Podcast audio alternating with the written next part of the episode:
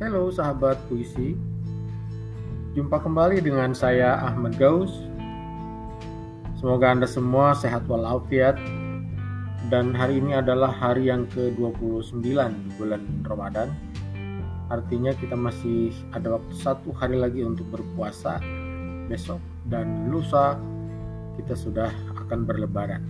Untuk itu saya mengucapkan Minal aidin wal faizin. Mohon maaf lahir dan batin seperti biasa, saya akan membacakan puisi saya, dan kali ini puisi yang akan saya bacakan tentang malam Lailatul Qadar. Selamat menikmati. Ketupat Lebaran. Anak-anak membakar petasan di ujung gang dan dilemparkan begitu saja ke arahku. Senyampang ledakan persis di wajahku aku terlempar jauh sekali ke masa kanak-kanak di bawah pohon kelapa ketika nenekku mengajari menganyam ketupat. Nanti malam, malaikat-malaikat akan turun, katanya. Kita beri mereka makanan enak, supaya nanti kita ditunjuki jalan ke surga. Malam hari, kulihat banyak sekali ketupat di musola tempat kami salat taraweh. Tapi usai kunut dan witir, para jamaah melahap ketupat-ketupat itu dan sebagian dibawa pulang hingga tidak ada yang tersisa. Aku tidak melihat para malaikat makan ketupat. Ke mana mereka? Tanyaku. Imam Taraweh, yang tidak lain adalah kakekku, menjelaskan bahwa para malaikat akan datang di sepertiga malam.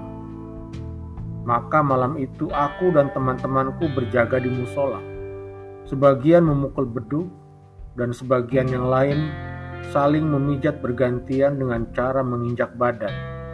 Tidak ada satupun yang mengaji karena kami khawatir malaikat datang tanpa diketahui. Lewat tengah malam, listrik padam, tapi langit begitu terang.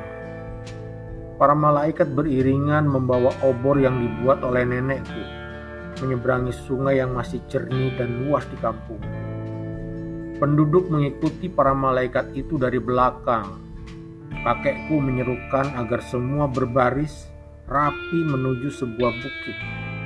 Itulah tempat keutamaan katanya, di mana para nabi telah menunggu ribuan tahun lamanya. Terus berjalan, terus, kakekku berseru lagi.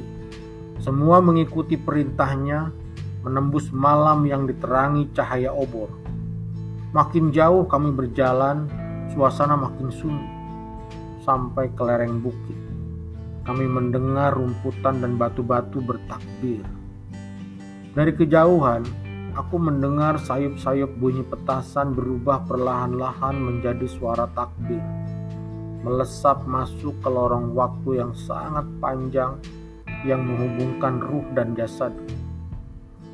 Malam itu aku melihat almarhum kakek dan nenekku turun dari bukit membawa ketupat. Terima kasih Ahmad Gaus.